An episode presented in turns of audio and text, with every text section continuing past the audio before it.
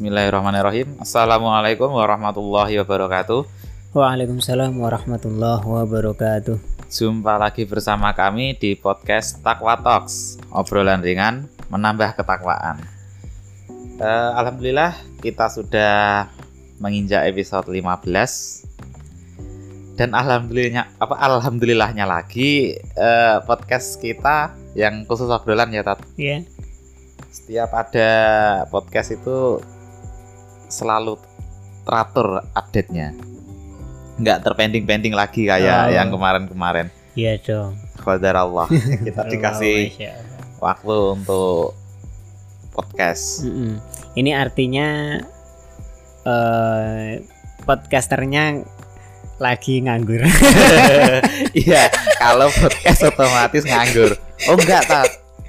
Bukan, bukan seperti itu. Sebenarnya ini juga kejar tayang. Oh gitu, kejar tayang. kejar tayang soalnya kemarin udah dari acara di Blora. Hmm. Tadi saya kecepu sama Bang Tama. Yeah. Pulang jam 5. Besok sudah ada acara ke Solo. Masya Allah. Ini berarti prioritas ya?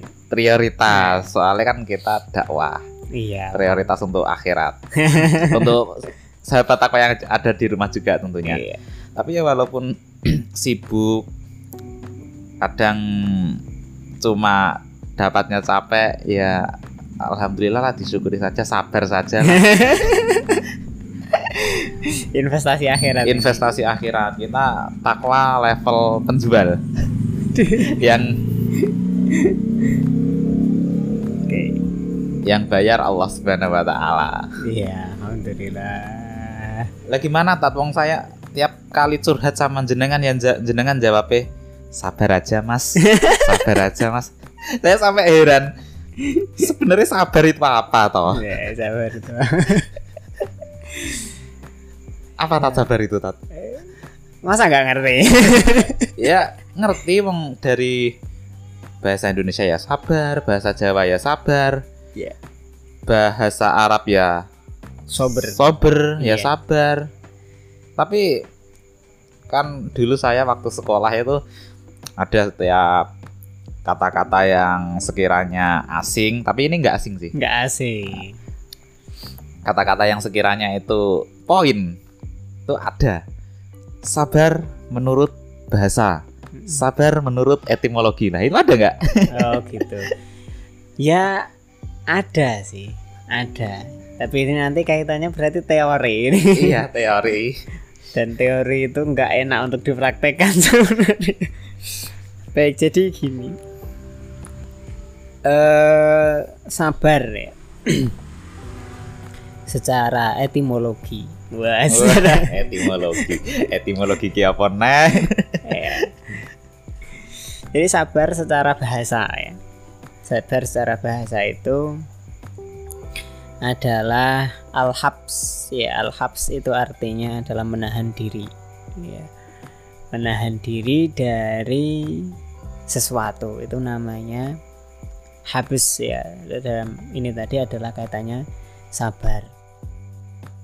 Cuman kalau itu kan secara bahasa ya.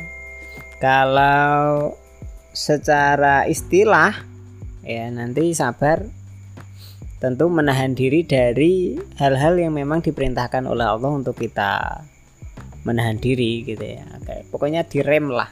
Mau apa-apa ini diperintahkan untuk ngerem dalam hal ini harus ngerem dalam hal ini harus ngerem lah itu ngerem diri kita agar tidak berbuat sesuatu yang dibenci itu namanya sabar. sabar.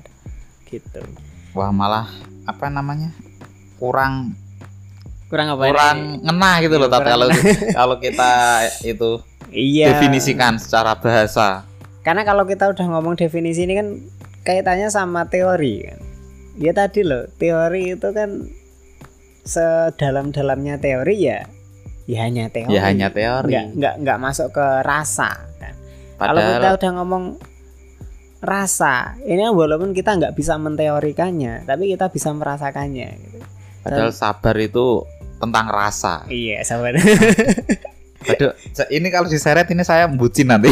iya, sih nggak usah stop. Sabar ya, sabar. Baik, jadi itu sabar itu adalah menahan diri secara bahasa. secara bahasa menahan diri tapi sabar itu ada jenisnya nggak tat Ya, tentu ada dong. Ada sabar itu berapa? dibagi oleh para ulama dalam tiga bagian. Yang pertama sabar dalam menjalankan ketaatan kepada Allah. Ya. Yang kedua sabar dalam meninggalkan kemaksiatan.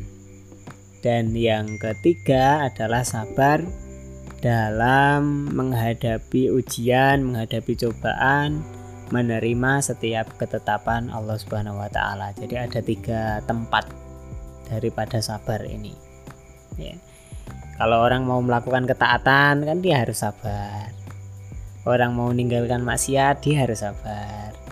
Orang menjalani hidup menerima kenyataan hidup yang tidak sesuai, sesuai ekspektasi sabar Kalian harus sabar. Ya, jadi tiga tempat itulah paling besar sabar itu memainkan peranan.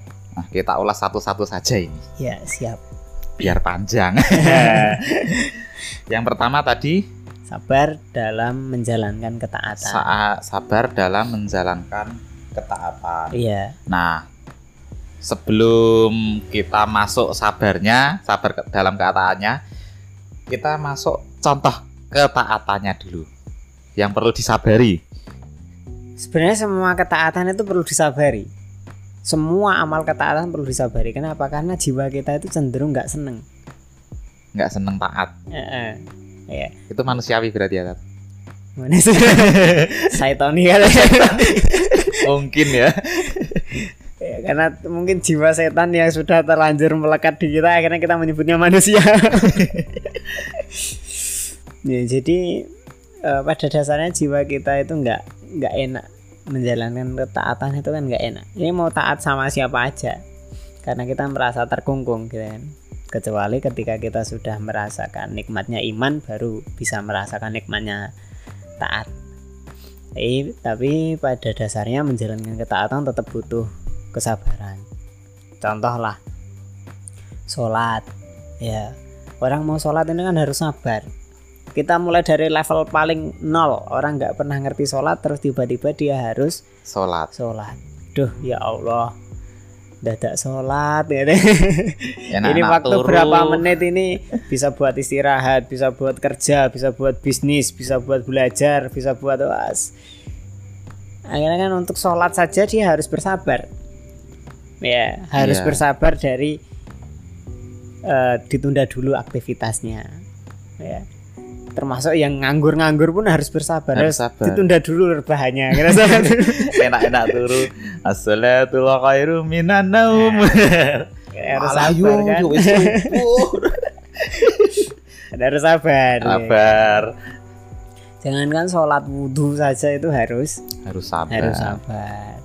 Ya, makanya termasuk eh, kesabaran yang disebut ya eh, dalam firman Allah Subhanahu wa taala, ya ayyuhalladzina amanu sabiru wasabiru warabitu.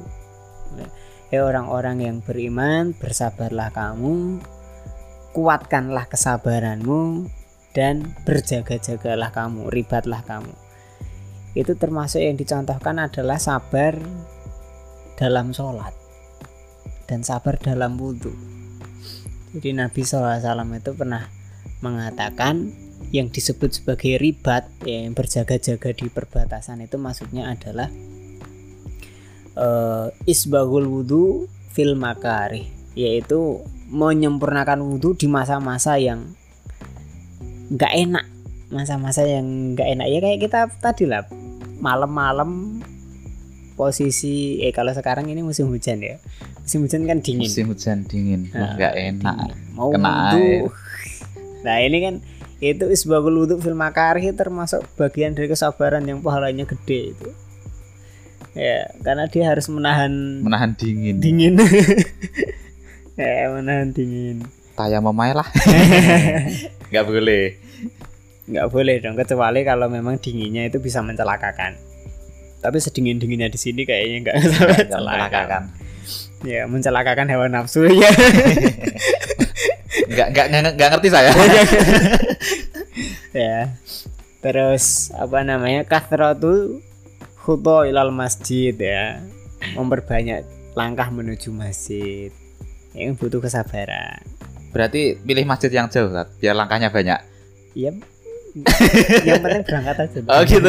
Tak kira pilih masjid yang jauh biar langkahnya banyak. Padahal depan rumah ada. Kalau sekarang ini disuruh sholat di rumah aja tuh Mas. Baik, ya intinya gitu.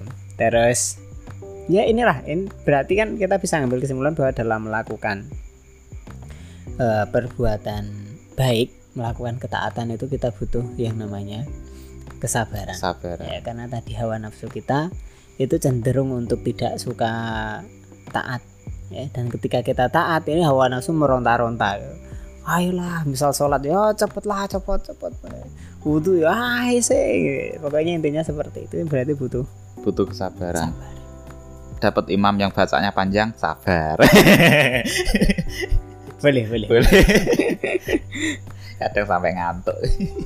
nah itu malah tidur dia Enggak. Enggak. Paling kalau sujud sambil merem, Eh, menikmati eh, eh, yang lain udah salam dia masih tidur ketiduran. dikirain husnul khotimah ternyata dia tidur. Kayak gitu ya sabar. Sabar dalam ketaatan. dalam ketaatan. Yang kedua, kedua tadi adalah sabar eh, dalam meninggalkan kemaksiatan. Sabar dalam meninggalkan kemaksiatan. iya karena tadi ini kan se- sepaket sebenarnya kan. Jiwa kita itu nggak terlalu senang dengan tak ketaatan ya dan jiwa kita itu selalu eh, nyari-nyari celah kemaksiatan ya kan? jadi kalau ada maksiat itu te- terpandang manis terpandang enak gitu jadi jiwa Menggoda. kita tuh oh ya menyeret kita ngajakan mengajak kita untuk melakukan hal-hal yang sifatnya maksiat, Maksiat. hal-hal yang dibenci oleh Allah ya entah maksiat itu merugikan diri kita sendiri atau merugikan Orang, orang, lain. lain. juga kan pokoknya hawa nafsu kita itu senangnya ngajak ke situ. Dan untuk itu kita harus nahan diri. Ya ayatnya masih sama. Ya ya ayyuhalladzina amanu biru wasobiru Hei orang-orang yang beriman bersabarlah kamu. Ya wasobiru dan kuatkanlah kesabaranmu. Ya kalau kita buka tafsir sabarlah kamu ini dalam ketaatan ya hei orang-orang beriman sabarlah kamu dalam menjalankan Ketaatan. wasobiru dan kuatkanlah kesabaranmu dalam melawan hawa nafsu soalnya melawan hawa nafsu ini lebih susah daripada Soalnya- menjalankan ketaatan Yang bisiki setan. Kalau malaikat nggak pernah bisiki. iya tapi ntar saya tanya gini orang dia sendiri yang kayak gitu aku yang disalahin setan itu selalu difitnah. Wong asline karpe dhewe aku sing difitnah. Enggak. Sabar ya tahan setan. ya, kata setan, eh sesama setan nggak boleh mendahului. ya, jadi gitu. Eh, kuatkanlah kesabaranmu untuk meninggalkan Kemaksiatan. kemaksiatan, untuk melawan hawa nafsu yang selalu mengajak kita kepada ini. Ya, jadi orang kalau mau melakukan maksiat terus dia harus nahan kan nggak enak itu. Ngempet. Ngangil ngempet. Kenapa tat? Ngempet niku ngangil. Iya nggak enak, nggak enak. ya, tapi harus ditahan kan gitu. Harus ditahan semaksimal kemampuannya dia. Dan setiap orang pasti punya kemaksiatannya masing-masing. Iya kan? Betul. Sebagaimana setiap orang itu punya kesolehannya masing-masing, setiap orang pasti punya Kemaksiatannya masing-masing. kemaksiatannya masing-masing. Orang awam ada maksiatnya sendiri. Nanti orang yang mulai kenal agama ya ada maksiatnya sendiri. Orang soleh punya kemaksiatannya sendiri. Kan gitu. Ya. Jadi ya bukan bukan berarti kalau maksiat itu terus selalu apa namanya dosa-dosa yang nampak gede-gede itu enggak. Jadi ada mulai dari dosa besar, terus nanti udah naik jadi dosa yang kecil ya nanti naik lagi jadi dosa yang sifatnya samar ya. naik lagi levelnya jadi dosa yang tersembunyi gitu kan. Ria dan lain sebagainya yang bahaya yang tersembunyi itu iya menurutnya nggak dosa padahal dosa. Padahal dosa dan lebih parah. Karena bisa menghanguskan segalanya itu.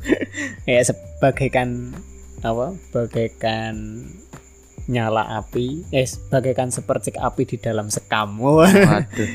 Tak kira bagaikan amplop gaji yang tiada isinya. Zong itu nggak membakar apa-apa. Nggak membakar. Hanya membakar perasaan Eh, jadi gitu ini sabar dalam meninggalkan kemaksiatan terus yang ketiga tadi adalah sabar dalam dalam menerima setiap ketaat eh ketetapan, Ketetapan dari dari Allah, Allah. Subhanahu wa taala. Sabar menerima ujian, sabar menerima musibah, cobaan. Nah, ini bagian yang ketiga. Nah, kalau yang ketiga ini kita Indonesia ini harus banyak bersabar. kita juga mengalami ya Tat Ya. dari sisi dari mulai personal per personal pasti mengalami ya bahwa hidup ini tidak selalu seperti apa yang kita inginkan. Ya. Bahwa kadang kita itu merencanakan sesuatu yang baik untuk masa depan atau untuk segala hal terus tiba-tiba akhirnya hancur luluh lantak begitu saja gitu kan tidak sesuai dengan ekspektasi. Ini secara personal. Tapi yang terjadi hari ini kan nasional ini. nasional Bahwa negara atau negeri kita itu sedang tertimpa apa? musibah tertimpa berbagai macam musibah. Ya. Pandemi belum selesai, udah ada pesawat jatuh, pesawat terus gempa gempa, banjir banjir. Yang terbaru apa? erupsi erupsi, Erupsi gunung Merapi. merapi Wah, erupsi Merapi. Ya itu masih yang dohir itu. Ya kalau orang yang sudah eh, apa namanya agamanya kuat gitu mungkin nggak terlalu ini. Ya tetaplah itu memprihatinkan iya tapi nggak terlalu kesedihannya itu nggak nggak nggak seberat ini ini. Banyaknya para alim, para ulama, ulama kita yang kemudian dipanggil oleh Allah Subhanahu wa taala para kiai, para ustadz dan lain sebagainya. Ini kan sebenarnya lebih berat kan, walaupun nggak dirasa. walaupun nggak dirasa tapi sebenarnya itu lebih memberikan sebuah tamparan tersendiri Iya, untuk para alim iya, bahwa apa namanya? Ya mereka ini kan diibaratkan sering kali diibaratkan ya para alim orang-orang yang Allah Subhanahu wa taala titipkan padanya wasiat ilmu itu mereka ini kan diibaratkan seperti pakunya bumi kan yang menjaga bumi ini agar tetap eh, kokoh kan gitu. kalau pakunya bumi secara fisik dalam Al-Quran disebutkan kan gunung gunung Nah, gunung. Kalau pakunya bumi secara batin kan para ulama. Ya, para ulama. Artinya kalau ulama ini semakin lama semakin habis habis habis karena dipanggil oleh Allah Subhanahu wa taala dan kita tidak punya kecepatan yang cukup untuk apa namanya? menambah populasi ulama. menambah populasi pengkaderan ini Iya, ya akhirnya kan gonjang-ganjing bumi secara batin. Ya, dan itu lebih gawat daripada gonjang-ganjing secara dohir.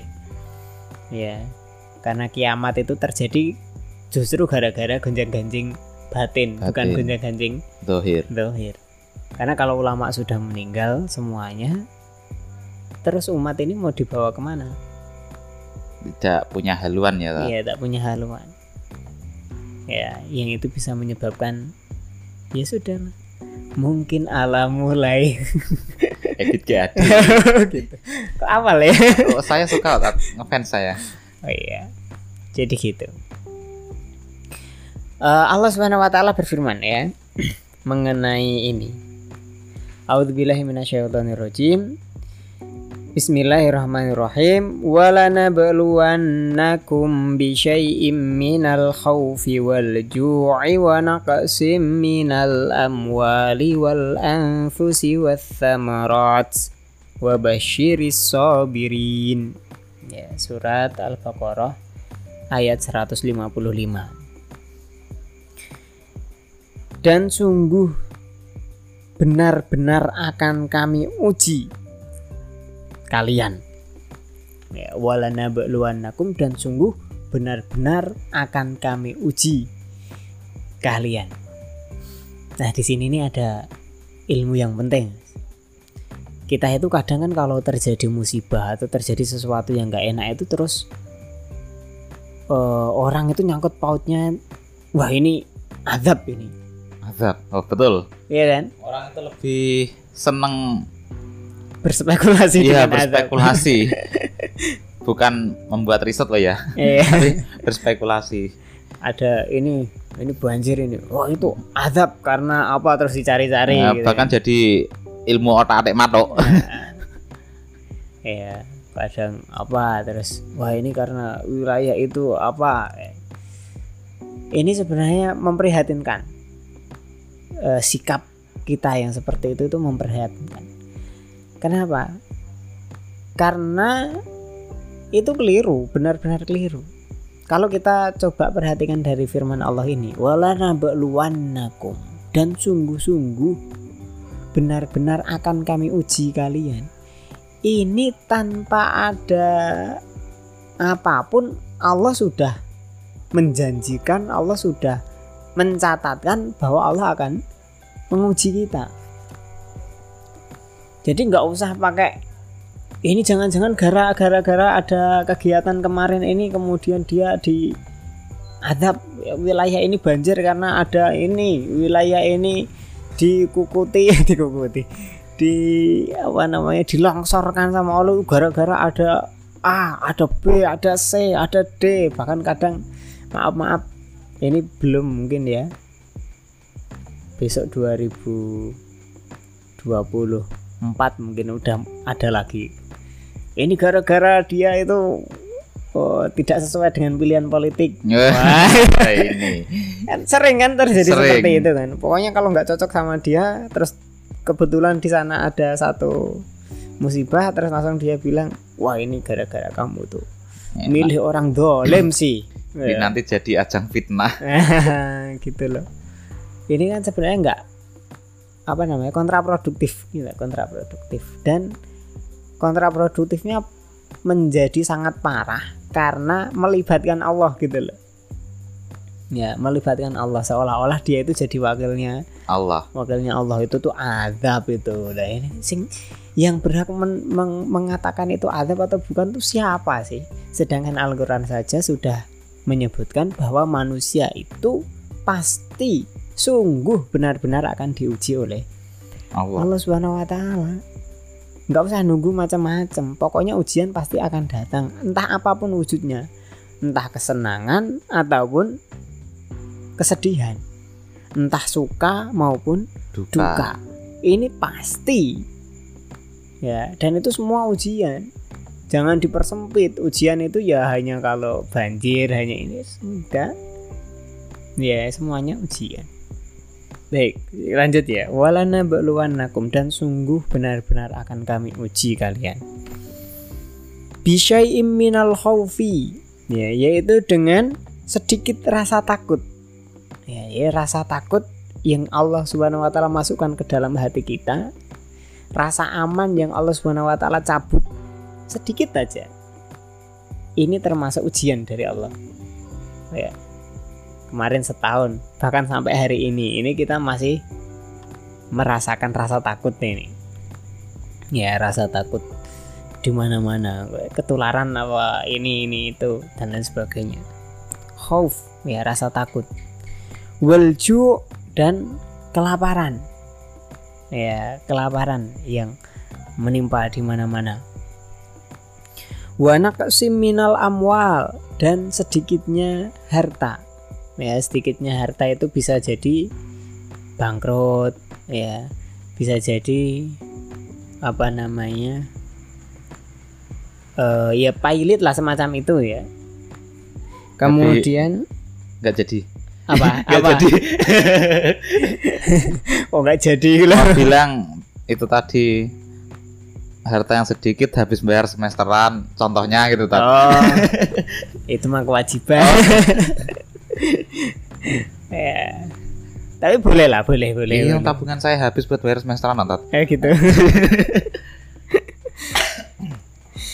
Ini ntar kalau disumbang lah ya alhamdulillah. Ya wana kasih minal amwal sedikit harta. Ya terus wal anfus dan jiwa. Ya kematian. Kematian teman-teman kematian orang-orang yang dia cintai kematian orang-orang yang ada di sekitarnya. Ini semua kan ujian dari Allah. Wathamarat dan buah-buahan ya.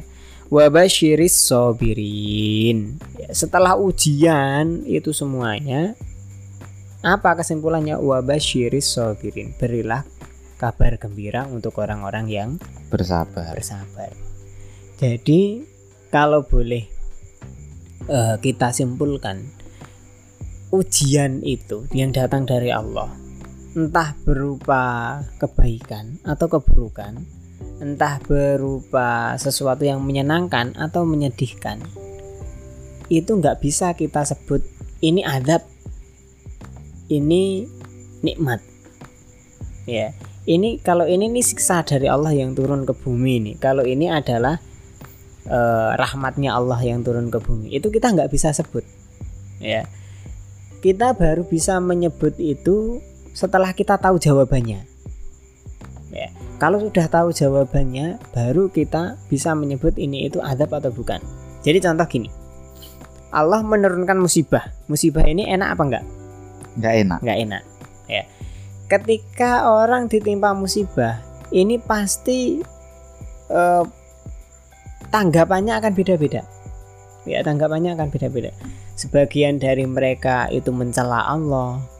Sebagian dari mereka tidak terima dengan takdir itu. Sebagian yang lainnya adalah bersabar.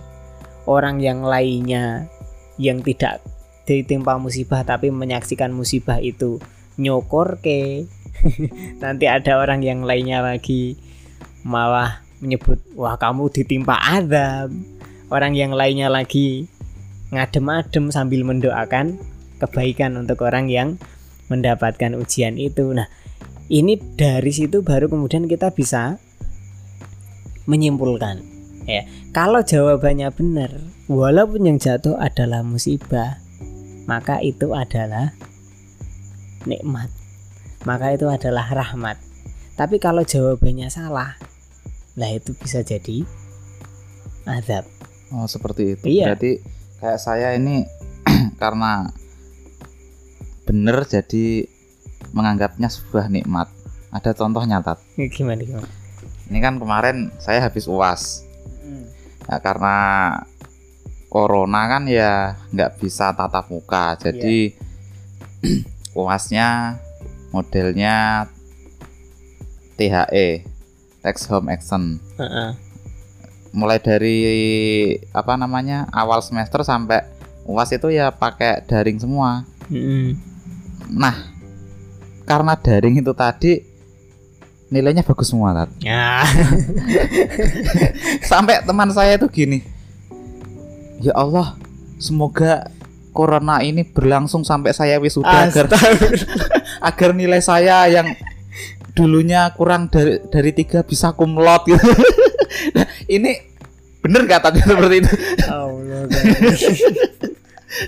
ini namanya oportunis kan oh gitu. Soal, soalnya gini teman saya itu banyak yang nilainya jeblok yang semester semester dulu yang tatap muka itu. Nah setelah daring di rumah ini nilai itu IP-nya 4 tat. Bukan 4, 4 kurang loh 4 ini. Nilai sempurna. Iya. bayangkan untung nggak Jenengan- ditambahin 4,1 gitu. Jenengan pernah nggak dapet IPK 4 pernah dong. Wah tapi kan tapi kan jarang. Nah ini satu kelas dapat tempat semua. Oh, gitu. Wah ini berarti buah dari kesabaran ya tat? Iya. Kalau itu saya kira itu buah dari kelomanan dosen. Oh gitu. saya kira buah dari kesabaran saya terus nilai saya bagus Iya, gitu. iya. Mungkin bisa bisa. ya, jadi jadi gitu tadi ya. Ada satu kata-kata yang indah dari dari Ali bin Abi Thalib. Kalau nggak salah juga pernah saya update di Instagram, ya di quotes gitu, bahwa eh, apa namanya ujian, musibah yang membuat saya itu ingat kepada Allah itu lebih saya senangi daripada nikmat yang membuat saya lupa dari Allah. dari Allah. Ujian yang membuat kita ingat dari Allah itu adalah nikmat. Ya. Tapi sebaliknya kenikmatan yang membuat kita eh maaf ujian yang membuat kita ingat kepada Allah itu adalah nikmat. Nikmat. Kenikmatan yang membuat kita lupa dari Allah itulah azab. Namanya apa tat? Bahasa Bahasa apa? bahasa Arabnya. Wah itu saya nggak hafal bahasa Arabnya. apa maksudnya? Itu kenikmatan yang dipakai untuk melalaikan. Oh, istidroj. Istidraj. Iya istidroj. Jadi ngeluh-elu. Ya, Ya, ngeluh-elu. Kalau bahasa manusia ngeluh-elu. Emang istidroj bahasanya apa? Bahasa manusia. Maksudnya bahasa kita sehari-hari. Ah, jadi Kita kan manusia. kalau yang bilang istidroj, Eh, ya manusia.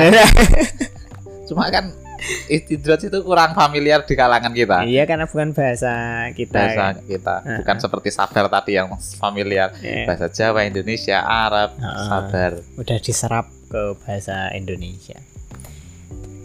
Eh itu dulu kayaknya ya. Iya, Sabar ini. Sabar itu waktu masuk episode Takwa 101 one on one. Tapi kalau dulu kan konaah. Iya, kona'ah tapi kan ada poin sabar. Mm-mm. Sabar itu masuk dalam Konaah. kona'ah. Ya, orang konaah itu pasti orang yang Sabar. sabar. Karena kalau nggak sabar dia nggak mungkin konaah. Kona'ah. Baik. 30 3 menit. 33 menit. Iya. Ini ada tambahan Tat? Tadi sudah apa namanya? Sudah ada definisi sabar, jenis-jenis sabar, terus contoh ketaatan, musibah, contoh sabar dalam maksiat, sampai pada azab. Mm-mm. Satu pertanyaan. Saat ini kan kita berada dalam suasana pandemi. Iya. Ini masuk kategori musibah Tat? Musibah. Nah, musibah ini kadang banyak orang yang apa namanya menyangkut pautkan tadi kayak yang jenengan bilang. Apakah musibah ini efek dari pemimpin yang zolim? Nah itu tat. Baik, baik. ini banyak sekali pertanyaan yang masuk seperti itu. Yang bukan pertanyaan sih eh, statement statement seperti itu tuh banyak sekali. Nah, mungkin bisa kita ulas di sini Baik. Apakah itu disebabkan oleh pemimpin yang zalim? Bisa kalau saya nggak ada itu ya. Ini wasiat dulu nih. wasiat eh saya yang berat ini kasih wasiat ini Baik. Eh, satu hal yang perlu kita pegangi adalah tadi bahwa mau itu pemimpinnya dolim ataukah tidak ya tapi ujian itu pastinya tetap akan datang. Ya karena Allah Subhanahu Wa Taala sudah menyebutkannya dalam Al-Quran. Tadi kita baca ayatnya. Dan bukan hanya penyebutan. Ditaukid dua kali loh. Di- Dua kali. ditekankan dua kali. Walana nakum kata la sama nun tasdid yang di belakang. Makanya tadi terjemahannya kan dan sungguh benar-benar akan kami uji kalian. Ya. Artinya berarti kan ujian itu pasti akan datang. Entah sifat entah dalam bentuk ketakutan entah dalam bentuk apa tadi kelaparan dan lain sebagainya. Itu pasti akan datang. Termasuk Iya pemimpin itu juga ujian kan buat kita kan. Kalau kita mendapatkan pemimpin yang baik itu juga jadi ujian kan buat kita.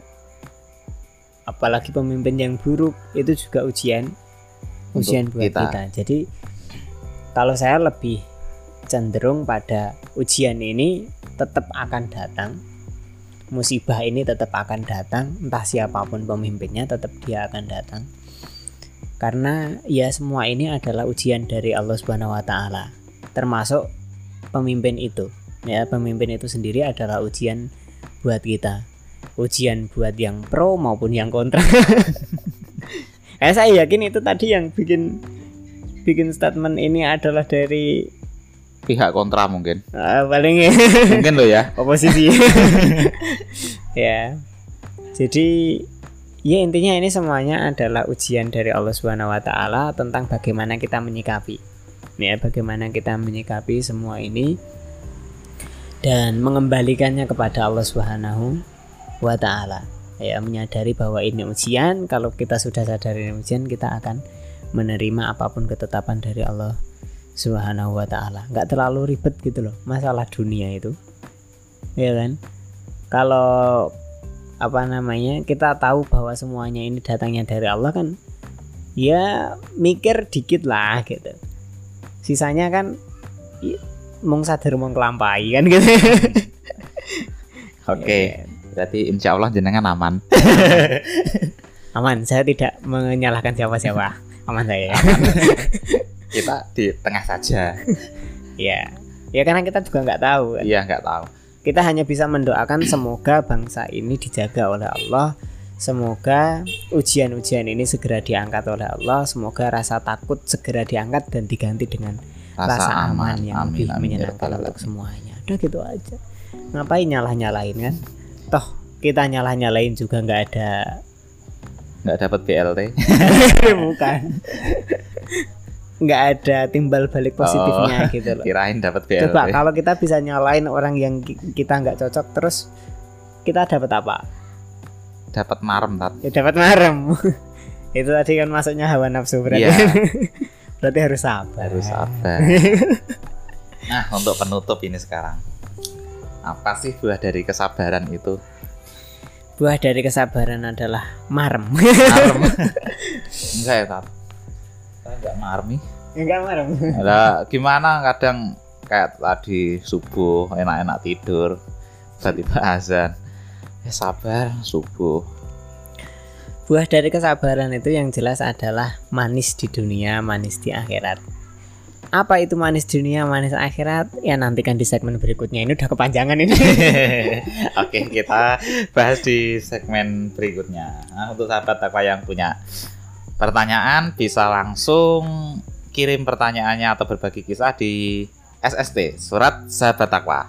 Bisa melalui WhatsApp saya bisa melalui WhatsApp Ustaz Talif atau bisa lewat Facebook dan DM. sekarang Alhamdulillah Instagram kita lebih aktif lagi iya. Instagram yeah. Takwa Talks Takwa Talks ID Oh iya. Iya, ada idenya. Takwa Talks ID. Karena kebetulan yang Takwa Talks itu udah ada yang make. Oh, gitu. Ada dotnya apa? Ada nggak ada.